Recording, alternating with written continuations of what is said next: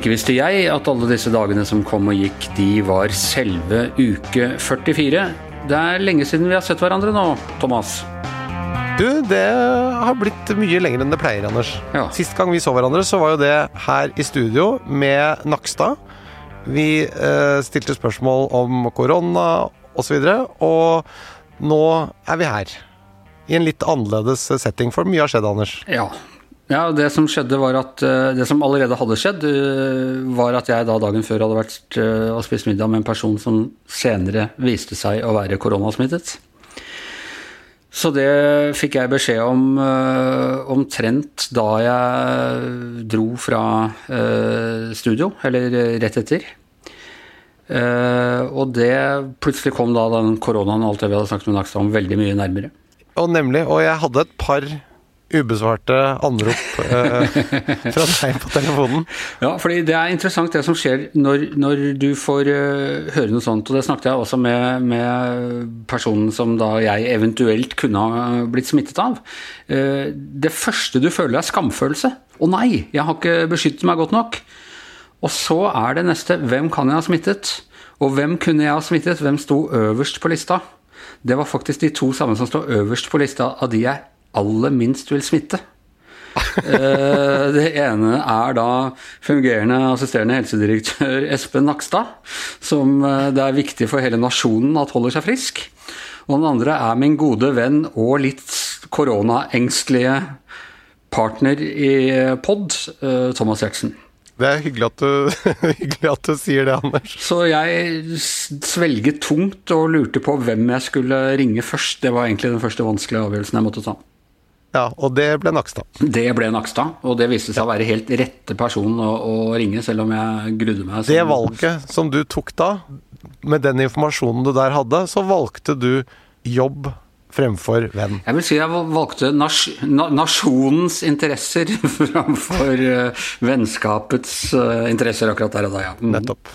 Nei, det er greit. Jeg bare noterer det, så da vet jeg også hvordan jeg skal prioritere hvis jeg kommer i en tilsvarende situasjon der det står mellom deg og din helse og nasjonens beste, så, så vet jeg hva jeg skal eh, legge vekt på. Og så vil jeg gjerne få lov til å legge til at eh, jeg var jo ikke smittet. Det syns jeg er viktig å få understreke. Jeg var rett opp på eh, klinikken her og fikk kjørt en sånn eh, q-tip med bust ytterst langt inn i nesa. og sånn eh, ispinne langt ned i halsen. Og eh, de andre som jeg var sammen med, gjorde også det. Og ingen av oss var smittet. Vi hadde holdt tilstrekkelig avstand, vi hadde liksom oppført oss som vi skulle. Og likevel måtte vi da altså i karantene inntil vi var sikre at vi var symptomfrie. Vi er ikke engang sammen her nå. Jeg sitter Nei. da skolerett her i studio med deg på video som sitter hjemme. Ja.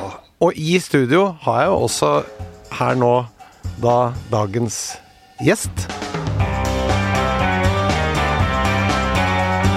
Og det er en spesielt uh, ære og glede å kunne ha med oss um, Anine Kierulf, som er uh, førsteamanuensis ved Institutt for offentlig rett ved Universitetet i Oslo og spesialrådgiver for Norges institusjon, ikke institutt, men institusjon for eh, menneskerettigheter. Hjertelig velkommen. Tusen takk. Det var veldig fin uttale av uh, Norges institusjon for menneskerettigheter. Ja, jeg har lært av de beste akkurat dette her. Uh, så uh, må vi Det skal ikke være noen skjulte forbindelser eller, eller sånne ting i denne podkasten. Alle kort må på bordet. Du og Thomas kjenner hverandre fra før av. Ja, vi må innrømme det, altså. Vi gjør det, og vi går langt tilbake, Anders. Dere har en fortid sammen. Det er riktig. Vi har laget skolerevy sammen, Anine og jeg. Det var tider, det, Thomas. ja. I samme båt var vi. Det, det, det het uh, revyen på Persbråten. Det var Atle Antonsen og jeg uh, var instruktører, og Anine var uh... Uhellsbarnet med Atle Antonsens gamle briller fra hans barndom. Det var veldig vanskelig å se gjennom dem, husker jeg. Anine, du, du, du var jo en eh, stjerne på skolerevyen. Du var god. Jeg var veldig stygg. Du var veldig morsom og flink og gøyal. Jeg husker jeg tenkte på deg som en sånn veldig veldig blid, morsom person. Og så gikk det jo mange år, så så vi hverandre ikke. Og så husker jeg at eh, Kanskje det tok jeg vet ikke, om det tok 15 år eller noe sånt, før jeg plutselig så på TV, og så så jeg en veldig sånn alvorlig jurist som sto der og pratet. og så, Hæ? Det er Anine? Det var et helt annet menneske. Men det var jo bare skuespill, det òg. Nettopp, det var det! Og, det! og det er mitt spørsmål nå. Hvem var du den ek, Hvem er den ekte Anine? Er det denne blide, lekende, morsomme skolerevyjenta? Eller er det denne eh, alvorlige personen med svart kappe og Norges lover? Nei, det er, jeg tror jeg er nærmere den skolerevyen, Nina. Altså, jeg kan jo eh, legge ansiktet i alvorlige folder uten å bare boble av latter inni meg, hvis det er noe veldig ordentlig jeg snakker om. Hvis det trengs. Hvis det trengs, så kan jeg gjøre det. Jeg kan gå inn i den rollen, men, eh, men eh, jeg liker i grunnen best å fjase og tulle hele tiden. Det var, det var veldig gøy, fordi det er akkurat som jeg det var, Ja, men jeg kjenner jo dette Det var akkurat som et det er, det er samme karosseriet, men det var helt ny motor. Hva slags motor var det? Nei, det var Hva skal vi si for noe? Det var jo Før var det jo en motor. Den fuska nok litt mer, og det var litt, litt mer eh, ulyd og litt skrangling og litt skrummel, men det var veldig sånn sjarmerende lyd. Mens dette her var mer sånn elbil med sånn påsatt motortur, som var eh, Ja, Det er veldig bra. Det skal jeg ta med meg neste gang jeg er i Dagsnytt 18. Anine, vil du si at uh, ditt seriøse ytre egentlig er et skuespillertriks du har lært av Thomas Giertsen og Atle Antonsen? Ja, Hadde det ikke vært for dem, så hadde jeg ikke klart å fremstå så troverdig som jeg gjør av og til. Nei, Da hadde du bare sittet og knist og snakket om uh, forfulgte forfattere og undertrykkelse av ytringsfriheten i, rundt omkring i verden. Ja, det, jeg tror vel kanskje jeg hadde klart å ikke gjøre det, men jeg, det er, var en av de tingene Jeg husker faktisk at vi trente på på revyen. Det var å ikke få latterkrampe på scenen, selv om det skjedde ting som var tullete og utenfor manus og sånn. Og det var, det var, ganske nyttig trening, for det, det hender jo, eh, ikke kanskje så ofte som advokat, men særlig da jeg jobbet som dommerfullmektig og dommer, at, eh, at det å holde maska helt når vitner, eller vidner, som statsadvokaten i Bertheussen-saken så vakkert sier, eh, sier rare ting, så må man jo være, beholde verdigheten til retten uten å boble over av latter. Så det var god trening, det, altså. Det, er noe gøy med det, tenker jeg, at den rettssalsettingen er nettopp veldig sånn det er stramt. Stram det er teater. regi. Det er teater. Ja. Men alt er Du har roller, og det er sånn Forsvareren kan liksom tillate seg å være litt mer på. Aktor må være objektiv og nøytral, og dommeren må liksom passe på at alt går riktig for seg. Eh, for det, dette er jo interessant, og i en, en sånn overgang mellom, eh, mellom juss og alt dens krav til liksom, formalitet og, og, korrekthet, og eh, de tingene som da blir ekstra hva skal si, pussig fordi de fremføres i dette litt sånn selvhøytidelige teatret. Denne Bertheussen-saken er jo en veldig alvorlig sak. Gå på ytringsfrihet, trusler, en justisminister har måttet gå av og sånne ting. Og veldig mye av den har dreid seg om sånne rare ting som sånn For å sitere Bare Egils sang 'Var det tiss på trusselbrevet?' Sier menn tisse? Eh, alle mulige sånne komiske ting. Underminerer det tilliten til eh, retten, eller er det bra for rettssamfunnet at du av og til har eh, hva skal vi si, litt muntrere eh, saker for retten? Jeg tror det er utelukkende bra. Ehm, det er jo ikke bra hvis det blir oppfattet bare som underholdning, for det er jo som du sier veldig alvorlig, det er en veldig alvorlig sak dette med, med implikasjoner i mange retninger. Men, men, eh, at man får med seg også de litt eh, mer eh, underholdende delene av en rettssak, det tror jeg ikke er så dumt. Og det, det viser jo i denne saken her så har det jo blitt helt påfallende mange rare bevis og trekk, egentlig. Denne bevisførselen omkring bruken av ordet tisse er jo bare Eh, et pussig eksempel på, blant mange. Ehm, men det er jo ikke så mange saker av denne karakteren her som, som har den kombinasjonen av så stor alvorlighet og så mye rart og, og nesten sånn komisk. Men det er noe gøy med det der at, at de på en måte tilsynelatende trivialitetene som sier menn tisse eller pisse, men, men det er av potensielt signifikant betydning, da. Ja, og det, jo, altså det har jo vært litt diskusjon om dette med bevis og indisier, og alt er jo egentlig bare bevis, og så er det ulike grader av sikkerhet. Men alt må jo tolkes om det er en, et fingeravtrykk eller DNA-bevis eller hva det er for noe.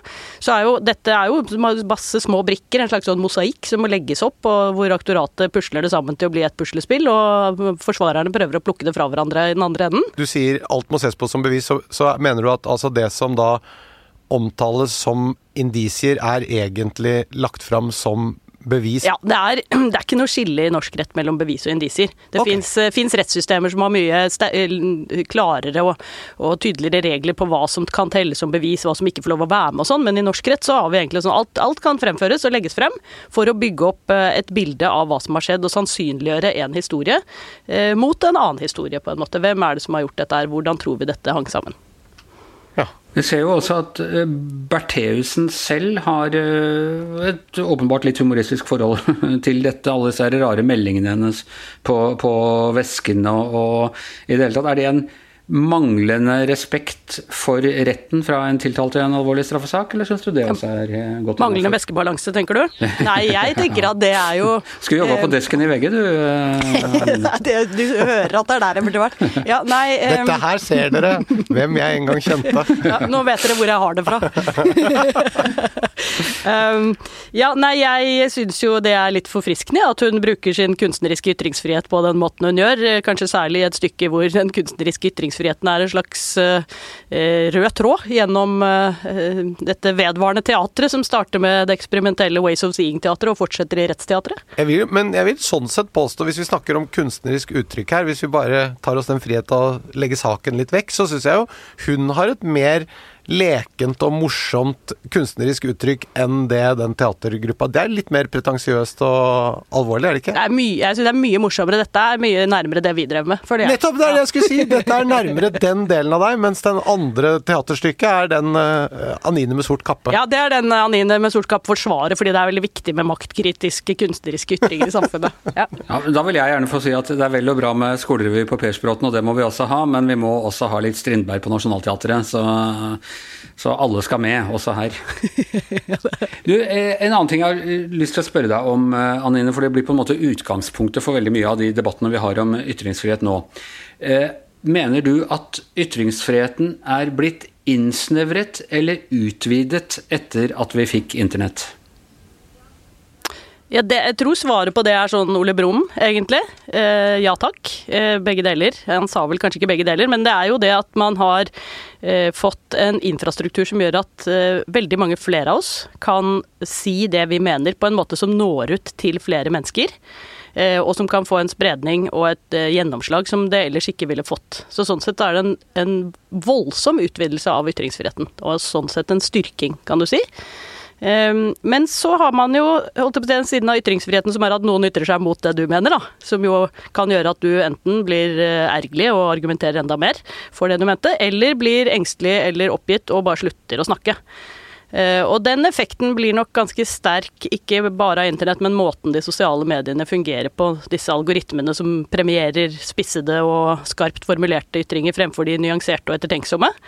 Eh, og det gjør jo ikke nødvendigvis at ytringsfriheten blir bedre i kvalitet, hvis, hvis noe av målet med ytringsfriheten ikke bare er at jeg skal få lov å si akkurat det jeg mener hele tiden, men også at vi sammen eh, nærmer oss sannheten på en bedre måte gjennom å falsifisere hypoteser eller slå ned dårlige ideer og heie frem de gode, og, og demokrati, da, at vi utveksler om det er maktkritikk eller diskusjoner om politikere og måten skoler styres på eller andre ting.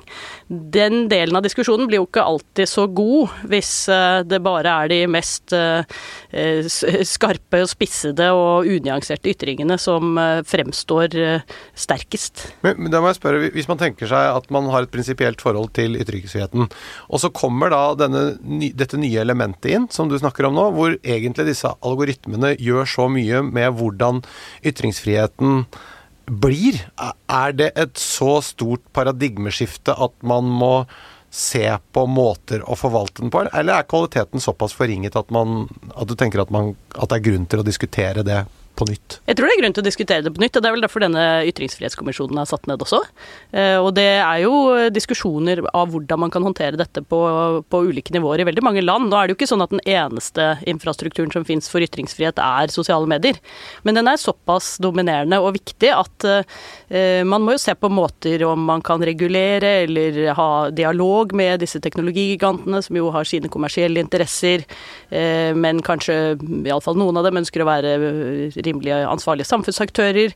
Altså at man må tenke nytt om det. Jeg tenker absolutt at det er et paradigmeskifte. Litt eh, på ingen måte sammenlignbart, men hvis du tenker deg eh, eh, Nå er det Zuckerberg da som står i sentrum selvfølgelig for Facebook, men eh, da Gutenberg fant opp trykkekunsten, så var jo det også helt revolusjonerende for måten ytringer kunne spres og mangfoldiggjøres på. Ehm, og det ledet jo til eh, en type regulering, eh, sensur da, i et par hundre år, ikke sant. Fordi man måtte jo kontrollere alt det som kom ut. Eh, så det at man må finne måter å forholde seg til ny teknologi på, det tror jeg. Og at vi fremdeles er i sandkassa når det gjelder hvor langt vi har kommet med å tenke om hvordan vi kan forholde oss til dette, det tror jeg også. Det, og her er det vel et, et litt sånn grunnleggende problem, nemlig at en del av det at Facebook premierer spissede diskusjoner, som du sier, og spissede innlegg, det er jo en del av den kommersielle driveren for Facebook. Så det er nok ikke noen sånn veldig agenda for disse eh, store aktørene å eh, på en måte gjøre noe revers på det, da? Nei, på ingen måte. De, de, har jo egentlig de har jo skapt litt som Frankenstein. ikke sant? Det startet som noe, og så ble det noe utrolig mye større som gikk av seg selv. Eh, og fikk en helt annen dynamikk. Eh, og uansett hvor mye de skulle ønske å prøve å gjøre noe med det, eh, selv om de skulle gi opp alle sine kommersielle interesser, noe som er helt usannsynlig, så vil det være rett og slett veldig, veldig vanskelig. Det er ikke så lett å se hvordan dette kan gjøres. for egentlig er det jo en slags kjempestor avis som burde vært redigert hele tiden, ikke sant. Og du vet jo hvor vanskelig, det vet jo i hvert fall Anders, hvor vanskelig det er å redigere aviser og finne disse balansegangene mellom hva som bør på trykk, hva som ikke bør på trykk, hvordan man kan balansere, nyansere, ja. Før så har vi hatt pressen som har hatt sine egne regler, og som både kan eh, lover og regler godt, og har ikke minst laget sitt eget eh, regelverk. Eh, for, i forhold til dette her, mens nå er plutselig alle uh, publisister, og vi kan kanskje ikke alle de kjørereglene, eh, vi som sitter her og kan trykke på tastaturet vårt på natten og fyre det løs og få det distribuert til hvor mange som helst. Nei, vi kan jo ikke det i det hele tatt, og vi er ikke trent på det, og vi aner ikke implikasjonen av det vi driver med, og vi tenker at vi snakker muntlig, og vi tror at nettet er et lovløst rom, og det er jo interessant hvis jeg bare skal nerde ørlite grann, to høyesterettssaker hvor det var spørsmål om sånne Facebook-ytringer, eh, som om de var hatefulle eller vernet av ytringsfriheten fra i januar i år. Så sier jo Høyesterett eh, altså Høyesterett skal drive rettsavklaring, eh, retts, skape rettsenhet og drive rettsutvikling. Men da driver Høyesterett egentlig rettsforklaring. De sier at nå er det masse nye folk som har ytringsfrihet på nye måter. Og de må rett og slett lære at det er noen regler også her. Jeg føler litt at nå er det som at uh ungene kan kjøre bilen når som helst. Ja. det er kanskje ikke så lurt. Men uh, du sier Ytringsfrihetskommisjonen uh, vil være med på å kanskje sette ned noen grensestaur her. Du sa nei til å lede den uh, ytringsfrihetskommisjonen. Ja, vil du ikke sette ned grensestaur? Nei, nei, jeg vil at alt skal være fritt og bare akselerere mot undergangen så fort for, for det er best business for dere i ytringsfrihetsbransjen. ja, ja. Nei, eh, ja, nei, det var egentlig rett og slett fordi jeg tror ikke dette er så lett å regulere seg ut av. Og min eh, kunnskap er jo egentlig på det regulative eller det juridiske, da. Og jeg tror dette eh, Ja, i noen grad kan man sikkert lage internasjonale avtaler og sånn, men jeg tror ikke egentlig det er regulering som hjelper oss i den situasjonen vi er i. Det må, det må en forståelse til av hvordan denne denne endringen i infrastrukturen for eh, samfunnssamtalen vår påvirker ytringsfriheten. Eh, og den tror ikke jeg det er så lett å lage lover og regler for å, for å løse på noe bedre måte enn det man gjør i dag. Er det et supperåd, er det det du sier?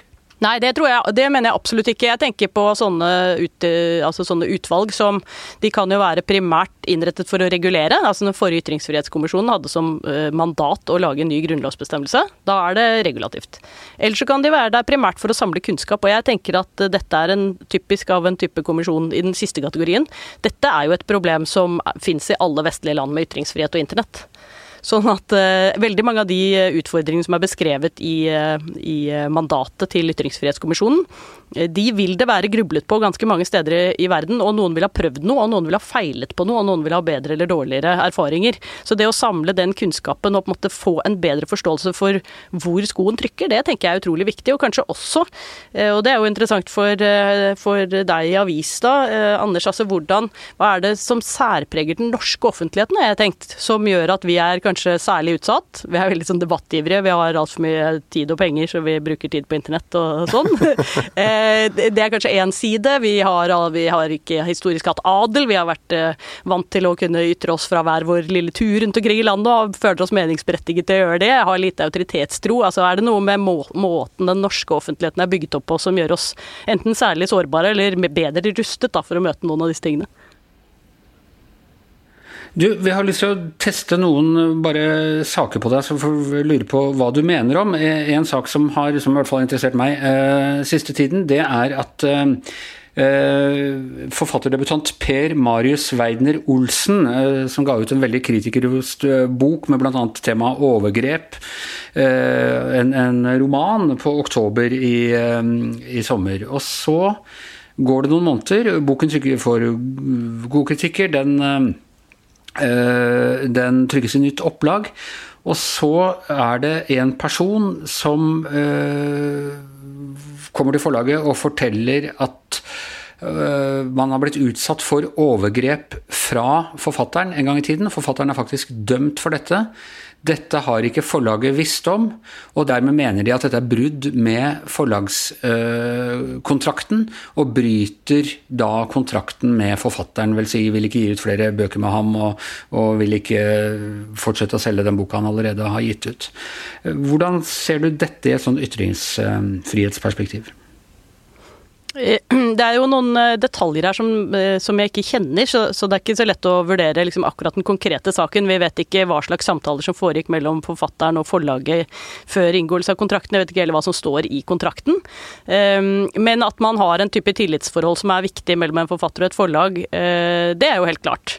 Men hvis vi rendyrker dette, det er det slik at hvis du er dømt for noe, eh, på et eller annet tidspunkt har sonet ferdig det, og eh, senere gir ut en bok om samme tematikk, at du ikke skal kunne gjøre det, det kan det jo ikke være i det hele tatt. Der kommer det jo inn et ytringsfrihetsperspektiv veldig sterkt. Og ytringsfriheten er jo begrunnet eh, egentlig i tre hensyn. Sannhetssøken og demokrati er jo sånn ytringsfrihet som middel til et annet mål, ikke sant. Men så er det jo en sånn helt grunnleggende begrunnelse som er min mulighet til å si det jeg har på hjertet. Og dele min historie og danne meg selv som menneske gjennom å prøve ut min historie på verden. Og den, den begrunnelsen for ytringsfriheten ville jo bli veldig sterkt skadelidende hvis man ikke kunne fortelle sin historie i bokform fordi man var dømt for eh, noe som hadde en overlappende tematikk, som vel er det begrepet forlaget har brukt. Men sånn rent juridisk, så selv om han helt hypotetisk han hadde bare ansatt og sonet, skrev denne boken, sendte den inn til forlaget og sa jeg, jeg kan ikke møte dere, og klarte liksom å holde det skjult. Så, så, selv i fengsel ville han ikke vært fradømt ytringsfriheten? Absolutt ikke. Du har full ytringsfrihet hele tiden. Så det at han er ferdig sonet, er egentlig heller ikke noe relevant i forhold til det ytringsfrihetsspørsmålet? Nei, det gjør det bare enda klarere, på en måte, hvis man ser det på et litt sånn større sånn moralsk perspektiv. Hvorfor straffer vi? Hva er poenget med det? Jo, det er at du soner ferdig, og så er du på en måte tilbake til square one og kan begynne på nytt igjen.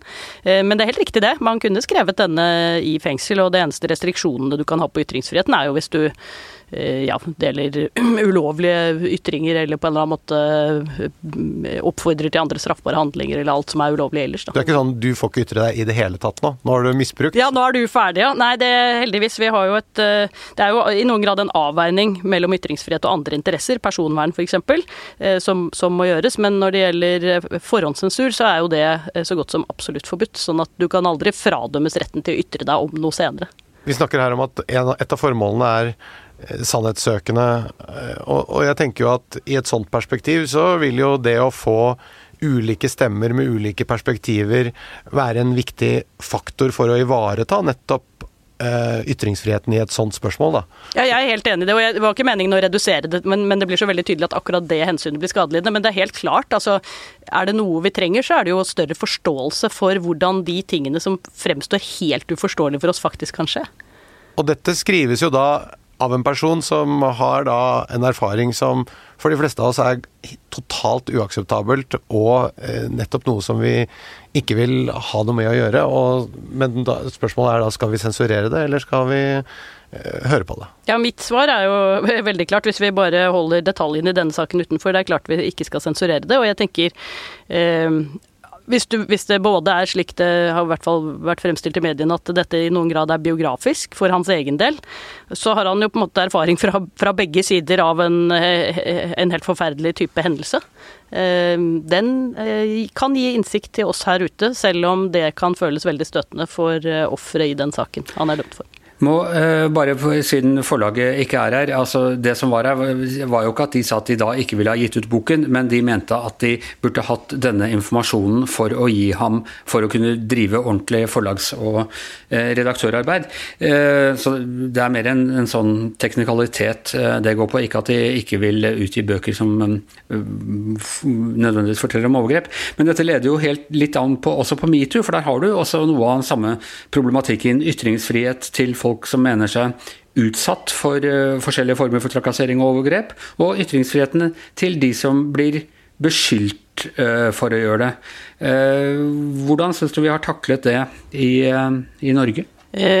Ja, Nå har jeg ikke full oversikt over alle disse sakene, men det er jo en type tematikk som har vært oppe og det dilemmaet du skisserer er jo veldig reelt. ikke sant? Den som føler seg utsatt for noe metoo, om, om det er ulovlige overgrep eller om det bare er noe ubehagelig, eh, må jo ha muligheten til å fortelle om det. Samtidig så er jo det å beskylde noen for å ha begått en straffbar handling, det vil jo lett være ærekrenkende. Så det har man jo en beskyttelse mot den type ytringer som kan skade ditt gode navn og rykte, eh, hvilket det lett vil gjøre, selvfølgelig, hvis noen sier at eh, ble, han voldtok meg, f.eks. Um, så det der er et dilemma, og da må man si det på en måte som gjør at det ikke fremstår som en påstand om et faktisk forhold, men, men fremstår som en opplevelse fra den som har eh, opplevd seg utsatt for dette.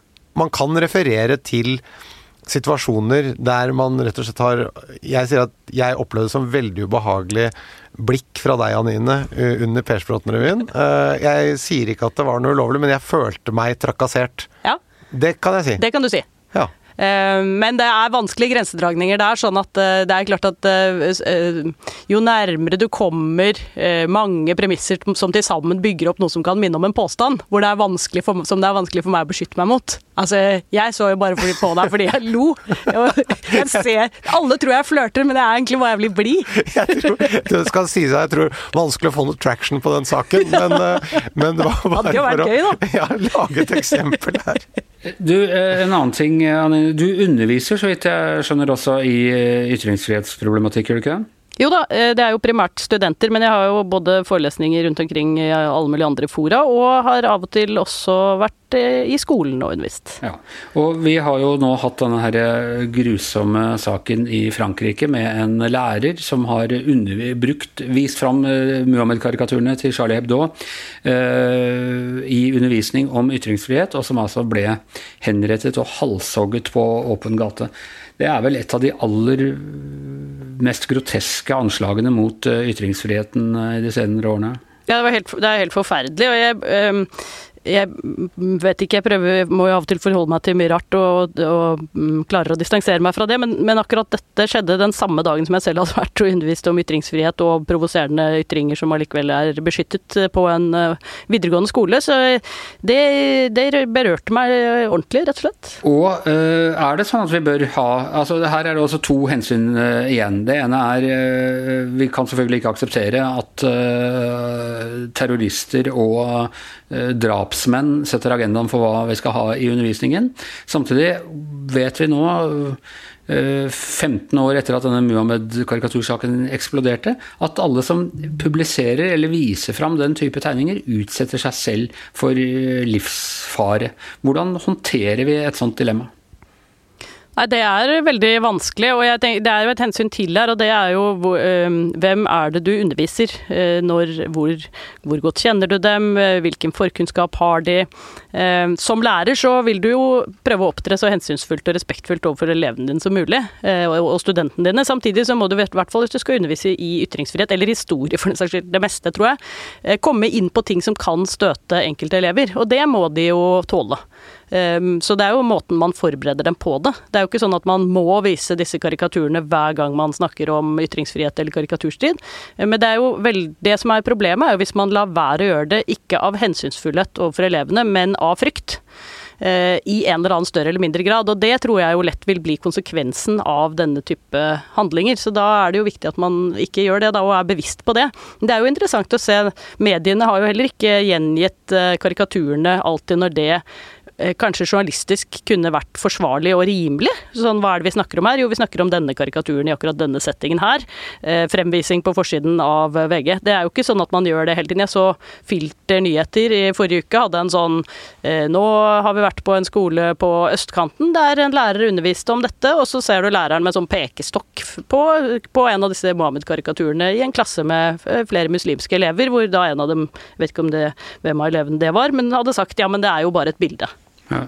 Og vi hadde jo altså har, Mediene har jo variert litt der. Ingen, nesten ingen viste, viste de danske karikaturene i sin tid. Eh, så, etter Charlie Hebdo, så var det plutselig på, på Dagsrevyen og alle forsidene igjen. Og så i denne runden har det ikke blitt vist. Og det bølger litt fram og tilbake om man ble beskyldt for feighet eller opportunisme eller, eller hva det er for noe. Syns du mediene har vært for tilbakeholdne med å vise disse tegningene?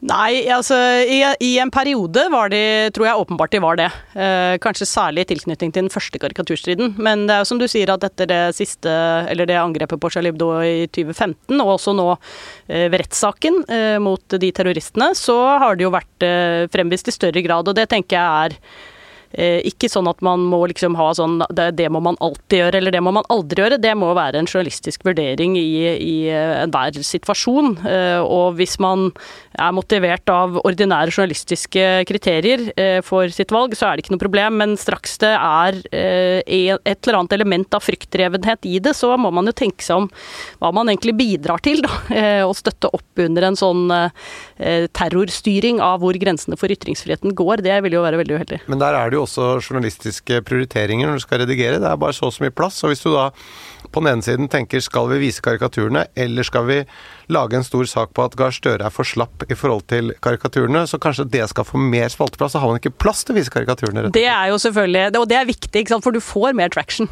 på å ta Støre alltid.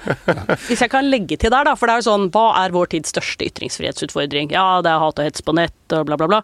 Jeg har av og til lurt på om en vel så stor utfordring er vår eh, manglende enten både vilje og evne, kanskje, til å tolke hverandre litt large. Altså være litt Tolke hverandre i beste mening. Vi er sånn, vi er ganske ute etter å ta Hvis det var litt gæren ordbruk Oi! Erna sa tankefrihet istedenfor ytringsfrihet, eller uh, nazi fra talerstolen, eller altså Da er det det som er det var jo helt påfallende den dagen det drapet ble eh, offentlig. Eh, hva var det som egentlig skjedde i Norge? Eller kanskje det var dagen etter. Var det liksom grusomheten ved det drapet vi diskuterte, og betydningen av hvordan terror virker inn i samfunnet vårt? Nei, det var en eller annen, for meg iallfall helt ukjent politiker fra SV som hadde sagt noe dumt på Twitter om den hendelsen. Og det var det egentlig hele den sosialmediale samtalen handlet om en dag eller to. Men nettopp er vi ikke da tilbake til litt det vi snakket om i sted, nemlig de store teknologigigantene. Hva er det de løfter opp, og hvilken rolle spiller de i forhold til å nettopp heve konfliktnivået og løfte frem disse eh, ikke så large holdningene, og så la det få spinn? Det tror jeg du har helt rett i. Ja, da lurer jeg på, eh, hvis vi da klarer, når vi har klart å liksom bringe partene til bordet og skape enighet om at, at vi rett og slett skal, skal ta og runde av Anine, vi, vi, pleier å spørre alle våre gjester om um, hva man har kjøpt uh, den siste uka for å putte penger inn i en noe skakkjørt økonomi. Da gjelder det altså ikke vanlig uh, tannpasta og leverpostei og sånn, men, men det litt utenom husholdningsbudsjettet som kan få hjula i gang igjen i Norge. Ja, Eh, det har jeg ikke tenkt på, men der eh, føler jeg egentlig at jeg har gjort en mye større innsats eh, enn jeg skulle trodd. For jeg har, og da skjønner du hvor lite økonomisk kjøresans jeg kanskje har, da, men jeg har for alle praktiske formål kjøpt ut en hytte som jeg var enarving til, til full pris. Okay. Eh, og, og, dermed bidratt godt til i hvert fall én gren av familieøkonomien, eh, får vi tro. Men altså, du har vært enarving til hytta, hvem er det du da har kjøpt ut? Ja, det, de, min far og hans kone ville plutselig selge den, og jeg trodde at det var fordi de trengte de pengene til Men det viste seg at de skulle kjøpe eh, noe nytt for det. Så da Ok. bidro de til samfunnsøkonomien på den siden, og Ja. dessuten så tok de med seg alt som var i den hytta, så jeg må kjøpe alt det på nytt. Og da eh, bidrar jeg, tror jeg, veldig bra. Så jeg føler at jeg gjør en innsats eh, for korona. Så dette er mitt koronatiltak. Et av de største bidragene noen gjest har gitt til økonomien, dette. Kjøpe en hytte de skulle arve, det, det tenker jeg det, Her snakker vi samfunnsborger av rang. Ja, ja. Det som Og, og snakk, om sette, snakk om å sette seg selv i baksetet, sine egne personlige Her er det en som bare virkelig sier, vet du hva, samfunnets beste her nå, og ikke minst også min nærmeste families beste, meg til sist. Jeg kjøper den hytta.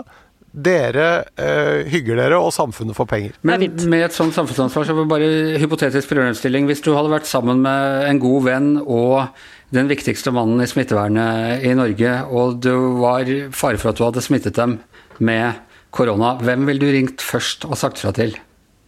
Ja, altså nå var, Vi startet jo denne her med Bertheussen-saken, denne runden. Eh, Det er jo kapittel 17 i straffeloven. Vern av Norges selvstendighet og andre grunnleggende nasjonale interesser. Det er jo det viktigste. Det er, vi har en egen del av politiet som passer på bare dette kapittelet her. Sånn at eh, Thomas, jeg beklager. Så mine følelser, de kommer til kort. Nei, følelser er veldig viktig. Det ser vi også i denne Bertheussen-saken. Men allikevel. De nasjonale interesser, Thomas. Vi må tenke på dem. Thomas, jeg håper du noterer deg dette her.